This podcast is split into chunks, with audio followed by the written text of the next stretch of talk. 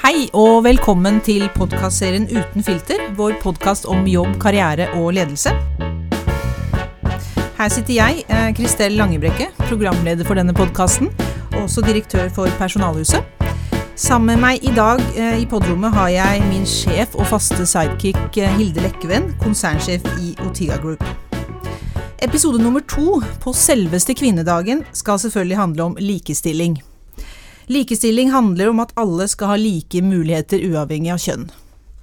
Og jeg har googlet litt. Den, den norske likestillings- og diskrimineringsloven definerer likestilling som likeverd, like muligheter og like rettigheter.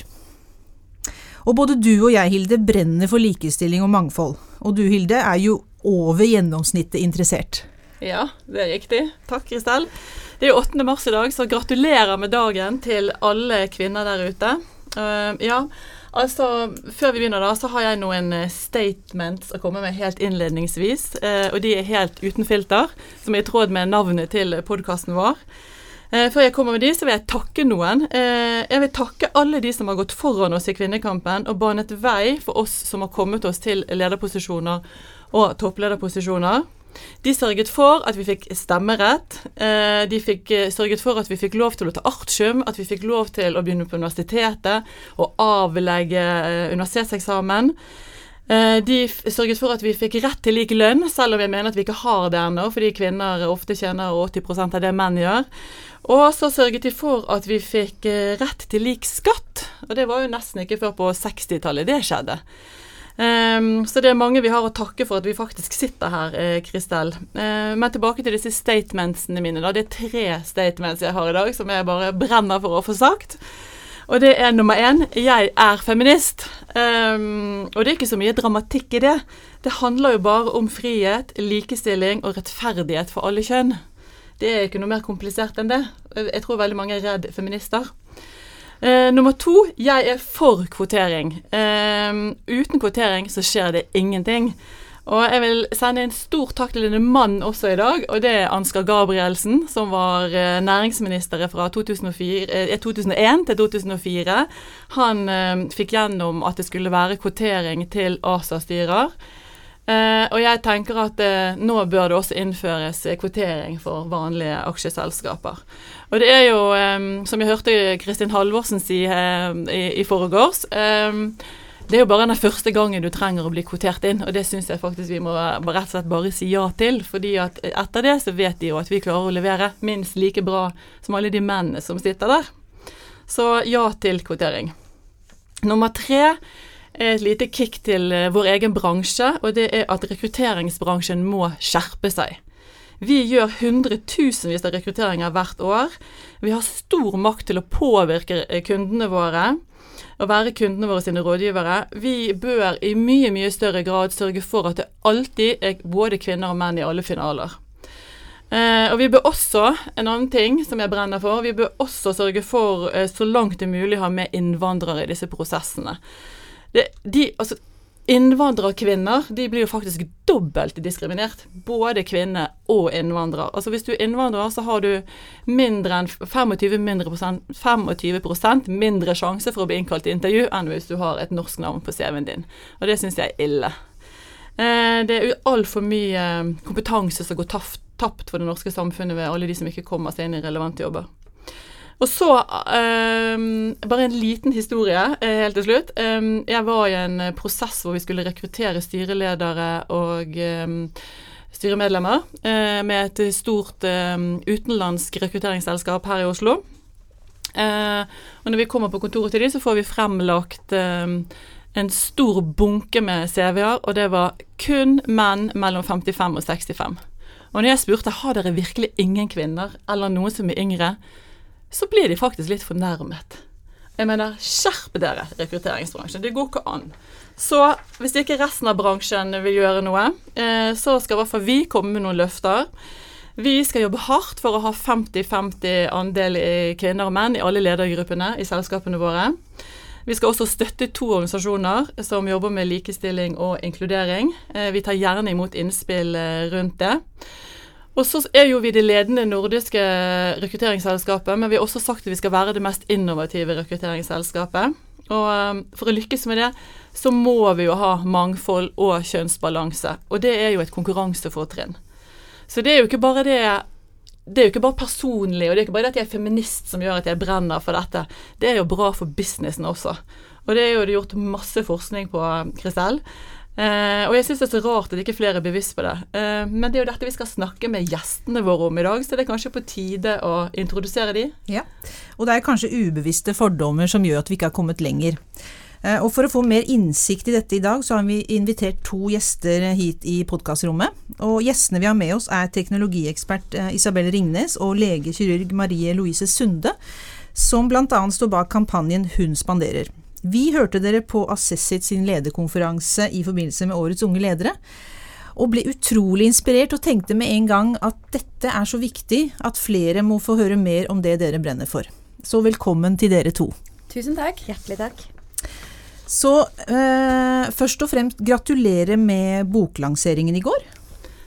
Ja, eh, jeg var jo der. Eh, og der var jo det stinn brakke. Eh, det var kjempegøy. Gratulerer med bok. Dere er fantastiske rollemodeller.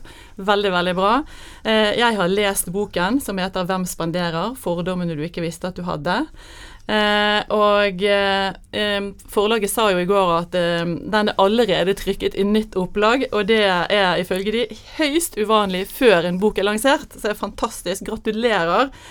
Eh, og dere blir omtalt eh, som forfatterene vi trenger, og som er viktige for samfunnet. Fantastisk. Tusen takk. Vi kommer tilbake til boken, men først fortell litt om dere selv først. Hvem har lyst til å begynne?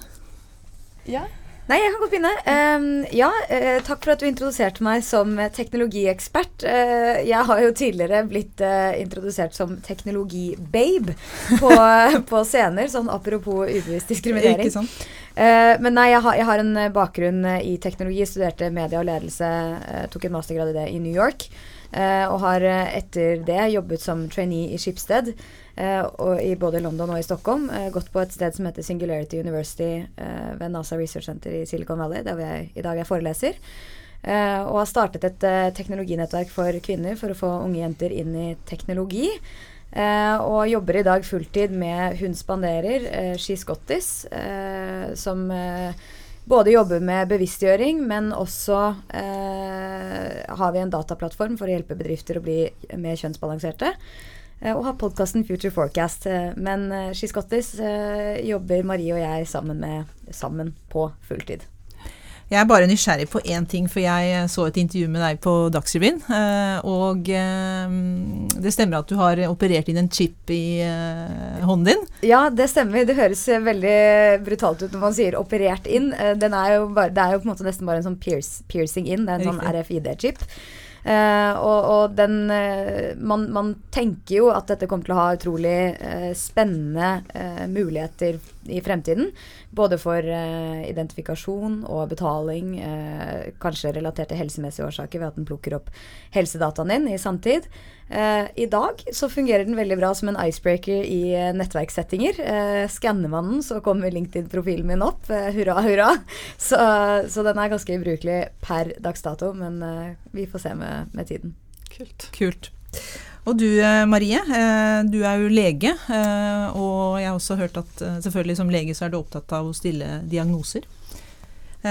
Og fortell, hva er det som driver deg ja, jeg er, eh, jeg er, lege, så de siste fire årene så har jeg vært lege i spesialisering i kirurgi. Mm. Um, og har jo vært veldig opptatt av kirurgi de siste ti årene, egentlig.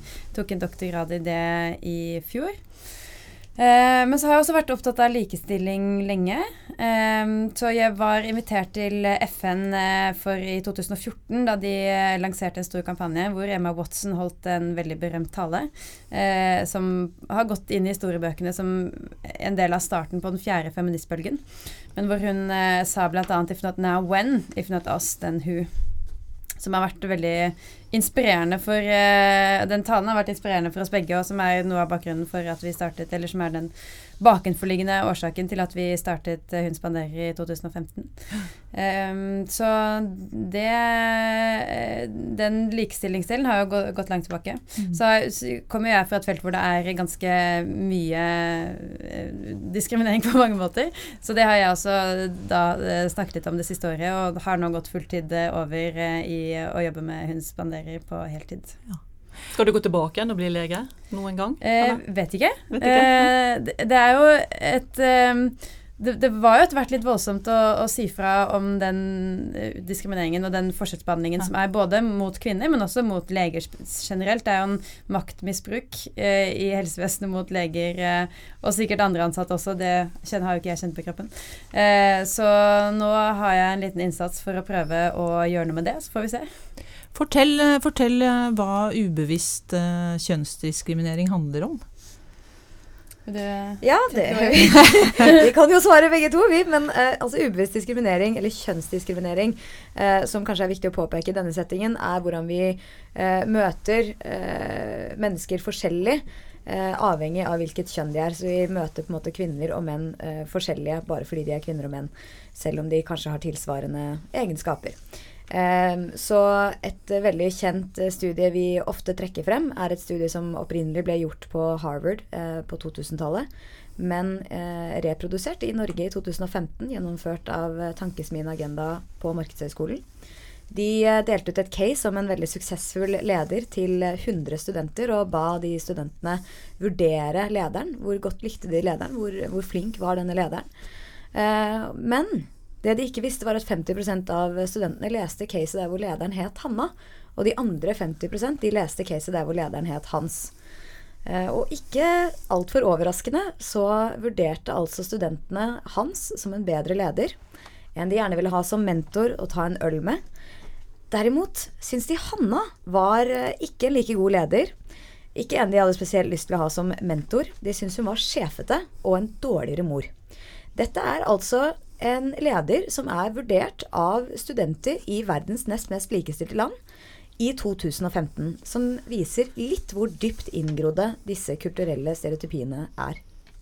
Det er jo helt crazy. Jeg leste jo også i boken deres at dere snakker om en Gallup-undersøkelse som uh, sier at uh, arbeidstakere med kvinnelige ledere er 6% mer engasjert enn arbeidstakere med mannlige ledere og at 41% av kvinnelige ledere er mer engasjert på jobb, sammenlignet med 35% av mannlige ledere. Og at um, det er en sterk korrelasjon mellom engasjerte ansatte og selskapets su sin suksess. Og Da forstår jeg bare ikke hvordan har disse studentene som du viste til i det, i det forrige caset, og, og, denne undersøkelsen, da forstår jeg ikke hvorfor er det så få kvinnelige ledere, og hvorfor er vi ikke likestilte? Ja, Vi tror at mye av det skyldes denne ubevisste diskrimineringen. Eh, det finnes jo veldig mye Og her møter vi jo mye uh, myter og mye forskjellige forklaringer som ikke alltid nødvendigvis stemmer. Men det vi ser, er at Eh, vi, sånn som Isabel sa, så vurderer vi menn og kvinner ulikt. Eh, så selv om vi vet at kvinner har samme ambisjonsnivå som det menn har, eh, og går ut på en måte med de samme tankene om hvor langt de skal lykkes, så gjør de ikke det i samme grad. Sannsynligvis fordi man møter mye mer hindre i næringslivet enn det som menn gjør. Og så har vi en, en, forklaringsmodell, og det var jo det vi snakket om bl.a. på foredraget som du refererte til, med at vi eh, har en tendens til å kanskje stille feil diagnose. Vi ser forskjeller mellom menn og kvinner. Vi ser f.eks. at det er færre kvinner kvinnelige toppledere. Og så lager vi en forklaringsmodell som er at kvinnene vil ikke, som passer med de stereotypiene vi har, men som ikke nødvendigvis passer med virkeligheten. Eh, og når vi har da gått inn og sett på en del studier, så ser vi at eh, det er ikke alltid at den forklaringsmodellen vi har, stemmer med det som i hvert fall studiene viser. Mm. For det finnes jo mye forskning på ubevisst kjønnsdiskriminering, eh, men imidlertid så finnes det lite forskning på hva som validerer effekten av tiltak. Og det er jo det, noe av det dere har tenkt å gjøre noe med. I forbindelse med She Got This, hvis jeg har forstått det riktig. Ja.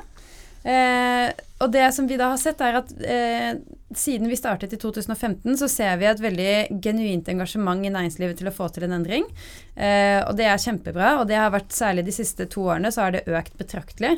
Eh, men vi ser at resultatene er ikke nødvendigvis så gode. Ifølge McKinsey så er det 24% av bedriftene som iverksetter tiltak som ser en effekt. Det er en veldig lav suksessrate.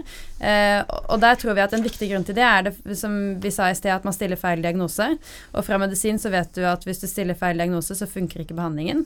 Det andre er at det iverksettes en hel masse tiltak som er litt tatt ut av luften mange steder. Eh, mange tenker at dette høres ut som en god idé, men så har vi ikke testet det. Eh, og i medisin så ville en, en behandlingseffekt på 24% i medisin ville jo vært helt katastrofalt. Og derfor så har vi i medisin en evidensbasert tilnærming, at vi tester behandlinger før vi bruker dem på pasienter. Når det kommer til likestilling, så har vi ikke gjort det så mye til nå. Uh, og vi har sett at det finnes mye forskning på problemet, men ikke så mye forskning på løsningene. Altså hvilke ting er det som fungerer. Så det er noe av det som vi har lyst til å prøve å gjøre noe med nå. Så vi har uh, i Skyskotter så har vi et samarbeid med CORE på Institutt for samfunnsforskning, som er et av de forskningssentrene i Norge som jobber mest med likestilling i arbeidslivet. Hvor vi samler inn en del data fra bedrifter, eh, og så skal de prøve å se mer på hvilke tiltak er det som faktisk fungerer. Sånn at eh, når bedrifter bestemmer seg for å få til en, eh, til en endring, så kan vi være mer sikre på at de løsningene faktisk fungerer. Mm. Jeg er jo helt overbevist om at veldig mange bedrifter ønsker å få svar på hva er løsningen. Mm. Ja, det merker vi jo for øvrig, at de veldig ofte vil ha quick fixes. da. Det er sånn Ja, men kan dere ikke bare gi oss noe konkret? Kan dere ikke bare si hva som funker? Og så er det sånn Men det er ikke så lett som det. Og hvis man skal begynne å gi råd i hytte og pine, så blir man på en måte ikke noe bedre. Så det er Man må gå mye mer systematisk eh, til verks. Mm. Fortell om eh, den teknologiske plattformen She Got This. Eh, hva går den ut på? Hvordan fungerer det? Kan hvem som helst eh, sign up? Ja, akkurat nå så har vi elleve av de største bedriftene i Norge som eh, testpartnere, og de er også da med på dette forskningsprosjektet. Eh, plattformen kan eh, hvem som helst eh, bli med på. Eh, den er i beta nå, så den er ikke liksom fullstendig perfekt ennå. Det er noen bugs, men eh, den, i, i, løpet av noen måneder så kommer den til å være mye bedre. Men det det egentlig innebærer, er at bedrifter går inn og rapporterer på sine tall på en rekke forskjellige indikatorer som vi har satt i samarbeid med da Core. Eh, og det går på alt fra rekruttering og avansement og generell kjønnsbalanse og foreldrepermisjon osv. Eh, og så får de på en måte en oversikt over hvordan de ligger an, og problemområder, og, og, og da eh, den forskningen som, som, vi på en måte har undersøkt, har vi da lagt inn der, slik at man får noe indikasjon på hva som fungerer, og hvordan man kan forbedre enkelte problemområder. Men så tenker jeg også um jeg har lyst til å gi eh, kudos til noen som har skjønt det. For at, uh, i går så leste vi i Dagens Næringsliv om Nordea, som uh, har undersøkt litt. og ifølge analyser så har selskaper med kvinnelig ledelse over dobbel avkastning. Og de har testet, sjekket 11 000 selskaper. Og de lanserte, eh, lanserer i dag, 8. mars, et aksjefond som kun skal investere i selskaper hvor kvinner utgjør minst en tredjedel av ledelsen. Det syns jeg er litt kult, da. Så det er et godt investeringstips, tror jeg, hvis vi skal tro på alle de undersøkelsene som finnes. Helt riktig. Mm. Eh, eh, la oss gå til litt tilbake til Hun spanderer. Eh, fortell hvordan altså Jeg er veldig nysgjerrig på hvordan traff dere hverandre, og hvordan eh, begynte det hele? Marie og jeg har faktisk vært eh, barndomsvenner. Eh, vi traff hverandre i de svært, svært unge dagene av vårt liv. Eh, foreldrene våre var venner. Så var det mange år vi ikke hadde kjempemye kontakt. Men jeg har alltid vært stor fan av Marie. Og så traff jeg henne tilfeldigvis på en restaurant etter at hun da hadde vært i FN. Og hun fortalte meg om det hun hadde opplevd, og visjonen hun hadde. Uh, og jeg syns at det var fantastisk inspirerende. Og jeg trodde veldig på den tilnærmingen som hun la frem, hvor vi nå må flytte kommunikasjonen over i det som uh, handler om det som er litt mer vanskelig å se. Uh, og, og, gjøre det med humor, uten å peke fingre, være mer løsningsorientert og inkludere menn i samtalen. Så fra dag én så har vi vært veldig opptatt av at eh, alle våre guttevenner skal være involvert i alt det vi utformer av budskap. Dere, jo, eh, dere skriver jo masse i boken om eh, ting dere har opplevd selv, da, som sikkert er litt av bakgrunnen for eh, at dere er kommet der dere er kommet. Kan ikke dere fortelle noen av de verste historiene? ja, eh, og da, Det spenner jo for alle mulige ting, alt fra sosiale settinger. Jeg husker en gang eh, jeg var i et eller annet sommerparty hvor jeg ble spurt Hvor det var jeg satt ved siden av en kar som spurte hva jeg drev med, og så sa jeg sånn Nei, jeg studerer medisin. Eh, og så så han på meg, og så sa han Er ikke det litt ambisiøst? Eh, og, så, og så spurte jeg litt sånn, hva mener du med det? Så nei, men du kommer jo til å ende opp med å være hjemme med barn. Eh, hadde ikke vært bedre å studere noe som ikke tok så lang tid. på måte. Eh, og så kom en annen eh, til ham og hørte at han sa det, sa nei, nei, men Maria er annerledes, eh, så, så, for henne så er ikke det så ambisiøst. Som jo var på en måte et forsøk på å, å rett, vet det, eh, glatte over, men som jo egentlig også viste ganske mye ubevisste fordommer. Så alt fra liksom sånne type ting til eh, pasienter som ofte tror at jeg er turnuslege eller liksom under, underordnet det jeg egentlig er, til mer i der hvor jeg Altså i den bransjen hvor jeg er, som har en, en, litt sånn hard tone, og kanskje hard tone mot kvinner, hvor det har vært alt fra liksom litt sånn åpenbar seksuell trakassering for tull, nå har jo du bedt om at vi skal ta deg på puppene, eller mm. at eh, man Jeg har blitt gjort usteril på operasjon i brystpartiet, og så skal de overlegene som står der, legge på nytt sterilt eh, dekke over puppene med veldig sånn kirurgisk presisjon. Wow. Nå ble vi målløse. Wow. det er ganske sjukt å høre på. Ja, det er helt crazy. Du da, Isabel? Ja, ja eh, nei, men altså, jeg merket jo allerede i barndommen eh, jeg, jeg, var eh, det eh, som eh, Altså, jeg tok mye plass eh, som barn. Jeg var ganske høylytt. men jeg husker Og det var jo gutta rundt meg òg, på en måte. og sikkert også mange jenter. men fikk alltid liksom strengere kommentarer om at vær forsiktig, sånn snakker mm. ikke søte jenter. og dette var liksom barnehage og skole, samfunnet generelt. Uh, og det irriterte meg. Jeg ante ikke at det egentlig handlet om liksom, ubevisst diskriminering eller kjønnsstereotypier. Selvfølgelig gjorde jeg ikke det, var altfor ung til det. Men det irriterte meg. Uh, og så har, har, jeg nok vært mer oppmerksom på det enn en kanskje the, uh, the, average person opp gjennom årene. og da jeg begynte å studere teknologi i New York, så ble det mer tydelig for meg hvordan det kanskje kan påvirke hvilke valg man tar. For jeg var en del på konferanser og hadde lyst til å lære om teknologi. Men men de eneste spørsmålene jeg på en måte ble stilt, de eneste samtalene jeg havnet i, eh, var uh, rettet til meg som om jeg var en del av personalet. Uh, altså fikk mye 'hvor er toalettet' og 'hvor er kaffe?'-spørsmål. eller om jeg var lurt med på en dårlig date. og den første jobben jeg hadde, ble jeg da forfremmet til CNO, Chief Note-Taking Officer, som sikkert var ment som en spøk, men det gjorde jo at jeg da fikk alt administrativt arbeid på jobben på, på meg, og, og, at jeg da til slutt sa opp, for det, det var ikke så mange utviklings muligheter der. Og nå holder jeg jo en del eh, foredrag om teknologi, eh, og i, den, i begynnelsen av på en måte den karrieren så husker jeg at det var en kollega som sa til meg at liksom, den eneste grunnen til at du lykkes, er fordi du er søt å se på. Og det gjorde meg selvfølgelig veldig uh, usikker, uh, og sa etterfølgende nei til et par uh, foredrag. Men, men, da jeg noen måneder etterpå ble introdusert på scenen som hele Norges teknologibabe til en sal fullsatt av, av menn i dress, så kjente jeg at det er nok noe kanskje her. Og det krever faktisk litt å stå, stå i det når du er den eneste kvinnen i, i rommet og ser litt annerledes ut, og kler deg ikke som en mann, men feminint.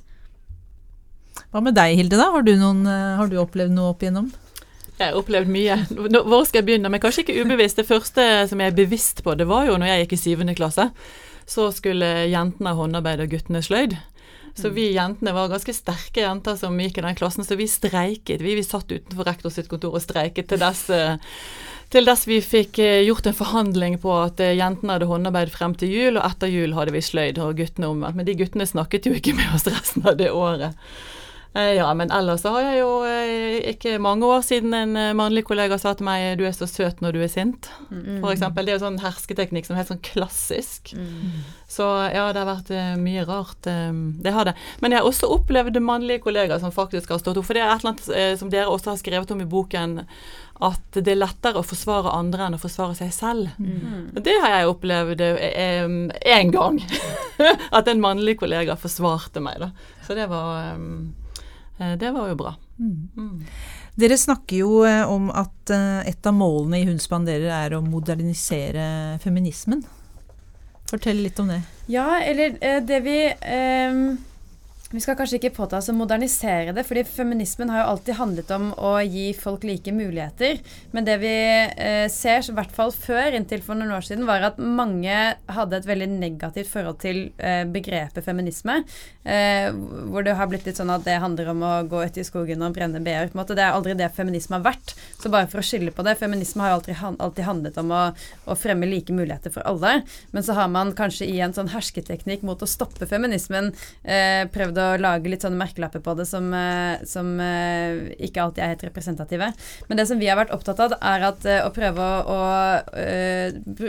få vår generasjons stemme inn på det, og ta med mennene i den dialogen, og gjøre det på en måte som er litt avvæpnet, at det er litt høy takhøyde, at eh, alle som kanskje ikke har vært med på samtalen før, kan melde seg på. Og i starten, når man melder seg på nye ting, så hender det jo at man sier ting som kanskje ikke er så gjennomtenkt, eller at man kommer med litt eh, tråkker litt i, midt i salaten av og til, og at det eh, er greit. Eh, det viktigste er å på en måte bli med inn i samtalen.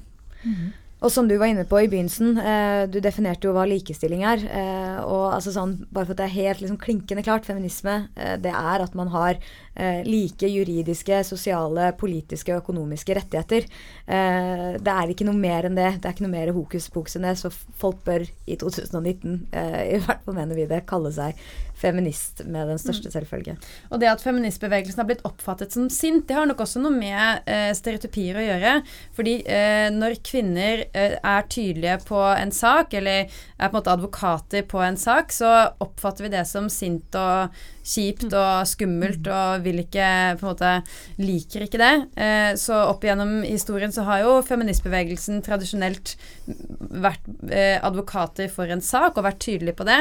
Eh, men om de har vært så sinte som historien vi hadde det til i ettertid, er jo Det skal man jo tolke i, lys av, de stereotypiene vi har, og hvordan vi har en tendens til å oppfatte kvinner som står opp for noe, som, eh, som sintere. Og det gjorde man det kanskje enda mer før enn man gjør i dag. Ja, men det er jo sånn i dag også. Det opplever jeg. sant? At, at man blir tolket som sint, mens en mann eh, som sier det samme eller på samme måte, har, Tydelig. er tydelig Mm, ja. og har gjennomføringskraft, handlekraftig, Ja. god leder. Ja. Mm, Så det er mer det vi vil redefinere, da. Bare sånn så ikke det virker som at Mm. vi nå kommer og Så de, det har vært lagt ned veldig, veldig mye arbeid før, og det er jo som du var inne på i starten, det er jo derfor vi kan nå komme og fortsette. Mm. Mm. Så har dere jo lovet statsminister Erna Solberg at dere skal være den første generasjonen som oppnår full reell likestilling. Ja. Det må jeg si. Det er kult. Det gleder jeg meg til. Uh... Sky is the limit. Set the ambitions high. Nei, Ja, ja. men altså, det, det burde jo ikke være umulig. Nei, men man må jo ha høye mål. Noen må være de de. første. Ja. Ja, noen må være de første, så why not us? For prosjektet deres, eh, eh, Shigatis, har jo potensialet til å bli den første validerte forskningen eh, på tiltak globalt. Mm. Det er jo veldig spennende og viktig arbeid. Ja, vi er veldig spente på det og syns det er kult å ha med. Vi syns det er veldig kult å ha med de bedriftene som vi har med. Eh, Og så syns vi det er helt fantastisk å samarbeide med Core, som eh, kan så mye om feltet, og som vi virkelig tror er de som eh, kan være med og sørge for at og på en måte bridge også det gapet mellom det som finnes av forskning og det som finnes av kunnskap, og, og den viljen som er i, i næringslivet til å få til en endring. Mm. Hvor lenge skal dette forskningsprosjektet eller, pågå? Som dere har satt i gang nå? Altså, før vi får noe validert eh, hva, skal jeg si, hva, hva fungerer og hva fungerer ikke? Vi, det prosjektet som vi har nå, det er eh, for tre til fire år. Eh, og så er vi spente på å se hva som kommer ut av resultater på det. Eh, og så håper vi å eventuelt eh, forlenge det, eh, eller utvide det, sånn at vi får enda mer sikker kunnskap. Jeg er veldig spent og jeg gleder meg. Kommer til å følge nøye med. Men du, jeg har, noe, sånn, jeg har noen ting jeg må kommentere, da. Får jeg lov, eh, Kristel? Vær så god. Ja, takk fordi, eh, fra boken. Fordi eh, det var noen ting i boken som gikk eh, rett i hjertet på meg. Og det ene var dette med at dere, dere skriver at flere kvinner sier opp jobben når de er i permisjon. Fordi de blir påvirket av folk som sier at de kommer til å angre hvis de velger karrieren foran barna. Og da er jeg bare nødt for å si til alle kvinner som hører på her i dag, at dette er jo bare helt bullshit. Eh, For det første så tenker jeg at eh, vi får gratis utdanning og skolegang, vi får gratis helsehjelp, vi får gratis svangerskapsoppfølging, vi får føde gratis, vi får helsestasjon. Eh, og vi får den beste permisjonsordningen i verden. Og da tenker jeg du har plikt å gi noe tilbake til samfunnet, så kom deg i jobb for søren. Og de kvinnene kvinnene som kommer etter. Ja, og nummer én. Nummer to, barn har godt av å være sammen med fedrene sine. Nummer tre, eh, Katrine Løken, som er en fantastisk samfunnsforsker på Handelshøyskolen i Bergen, hun har jo studert mye rundt dette. Og hun sier jo at eh, etter at barnet har fylt seks måneder, så spiller det ingen rolle om det er sammen med mor eller far eller annen omsorgsperson. Eh, Så da mener jeg for så vidt at vi egentlig bare bør kutte hele kontantstøtten nå. For den, eh, den, den støtter jo ikke opp under eh, likestillingen og det at kvinner skal komme tilbake og til, til jobb. Eh, og så nummer fire at eh, du velger ikke bort barna dine. Barna dine kommer til å beundre deg for den jobben du har gjort. Så vær en rollemodell for barna dine og for andre kvinner eh, som er samtidig med deg, eller som kommer etter deg. Ja, am, takk og amen. ja. Um, ja, neste fredag uh, så går jo søknadsfristen til uh, høyere utdanning uh, ut. så jeg har lyst til å spørre dere hvilket råd dere har til de som sitter med, der hjemme med valgisk kvaler. Altså, I'm so biased. Jeg sier jo bare velg teknologi. Nei, men altså, jeg faktisk var i en, et debattprogram om fremtidens arbeidsmarked to-tre dager siden. og, og Eh, forberedte meg jo da en del på hva er det egentlig som kommer av jobber eh, med denne vanvittige teknologiske utviklingen som kommer. Og, og det er ganske mye jobber som vil eh, dramatisk forandres. Men det man ser en enorm eh, up-peak i, det er eh, jobber innenfor teknologibransjen, eh, men også service og servicebransjen, og selvfølgelig helse. Eh, så, så, Marie kan kanskje oppfordre deg til å gå inn i, inn i lege og kirurgi. Og så vil jeg nok definitivt si at se innenfor teknologiverden, for der vil det finnes så mange jobber. Og ikke minst er det så ekstremt viktig at vi damer er med å forme vår felles fremtid. Virkelig, for teknologi er så viktig for vår fremtid. Og så jeg, da, som er rekrutteringsekspert etter 15 år i denne bransjen, jeg vil også si det at um, all utdanning har en verdi. Du lærer deg til å finne frem informasjon, du lærer deg til å gjøre research, du lærer deg til å behandle den informasjonen. Uh, og det å lære, uh, det tror jeg også blir viktig i fremtiden. For vi vet jo ikke hvilke jobber uh, Teknologi tror jeg også er bra, men vi vet jo egentlig ikke helt hvilke jobber som, vi, som kommer. Så det at man kan lære og er endringsdyktig, tror jeg er viktig. Så velg All utdanning har verdi. Og så vil jeg tenkt oss å velge mer ut fra nysgjerrighet og interesse, og ikke være så Ikke tenke at noen ting virker veldig vanskelig, eller 'dette kommer sikkert ikke jeg til å klare', eller 'dette kan jeg ingenting om', f.eks. For, eh, for det er det mange som ikke kan når man starter på noe. Eh, og det er jo ingenting som er så hokus pokus at man ikke kan lære seg det når man setter seg inn i det. Så det er en ting jeg hadde tenkt på. Ikke, ikke vær redd for om du mestrer faget eller ikke. Og det andre jeg hadde tenkt på, er å ikke tenke så langt frem i tid, og ikke tenke at man skal velge en jobb hvor du kan balansere et familieliv liv, eller velge et jobb hvor du, kan, hvor du på en måte må passe masse brikker inn. fordi når man, er, når man begynner på studiet, så er man ung, og man har eh, masse tid foran seg.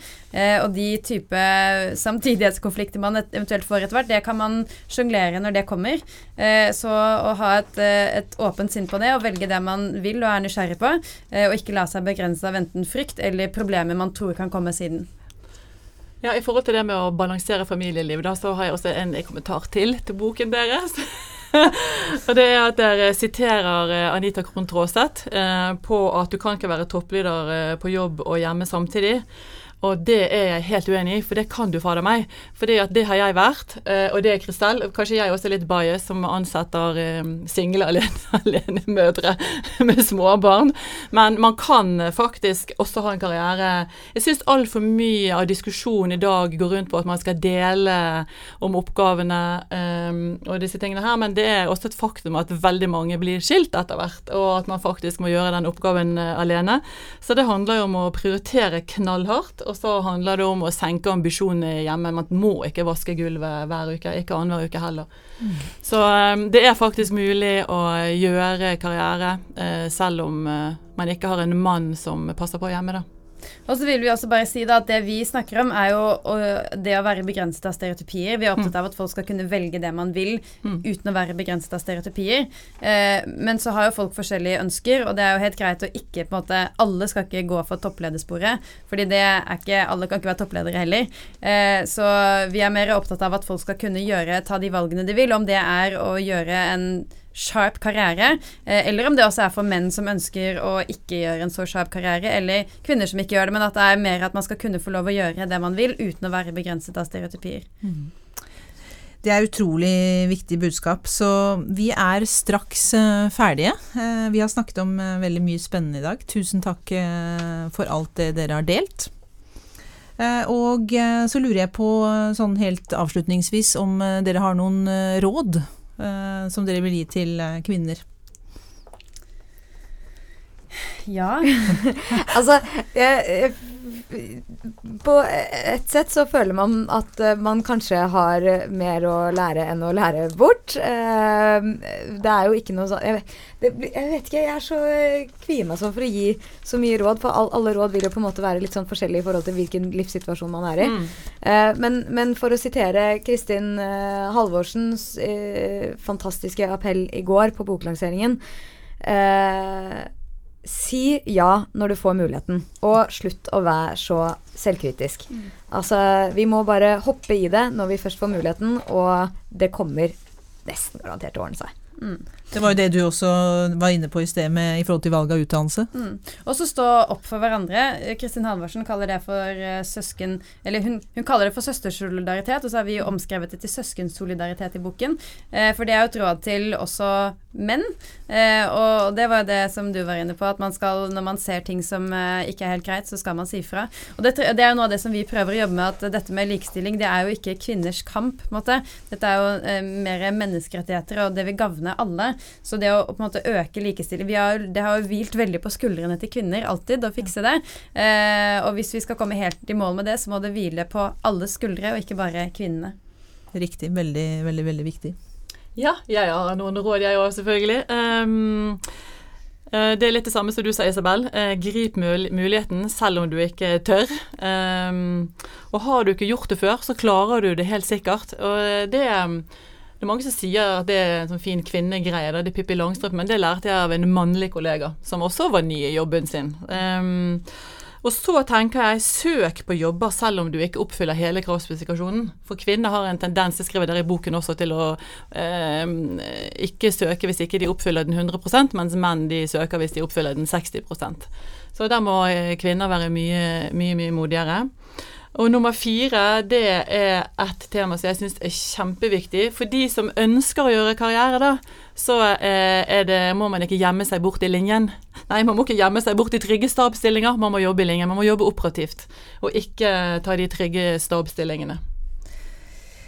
Ja, helt til slutt så er jeg litt nysgjerrig på hvordan dere skal eh, markere kvinnedagen. Vi har fått spørsmålet ganske mange ganger de siste dagene. Hvordan, eh, hvor, hvor, skal du gå i 8. mars-tog? Eh, svaret mitt er at Marie og jeg går vel egentlig i 8. mars-tog hver eneste dag. Vi jobber jo med likestilling på fulltid. Eh, men akkurat i morgen så skal du se kalenderen vår. Den er back to back, smack, smack, smack, med begynner på TV klokka sju. Og gjennom det er det bokprater og foredrag og radio. Eh, og så avslutter vi med kremen av kremen Hillary Clinton eh, wow. på Handelshøyskolen BI. Det blir fantastisk. Wow. Og så skal vi drikke et stort glass vin sammen. Ja, det blir veldig deilig. Og jeg skal faktisk også holde foredrag på Ullevål, som jeg gleder meg veldig til. Det er veldig bra når helsevesenet også begynner å sette fokus på disse tingene. Viktig. Så bra. Eh, lykke til eh, videre. Jeg gleder meg, og vi gleder oss til å følge med videre. Eh, tusen takk for at eh, du lyttet, og så høres vi igjen om ikke så altfor lenge. Tusen takk. Ha det. Ha det.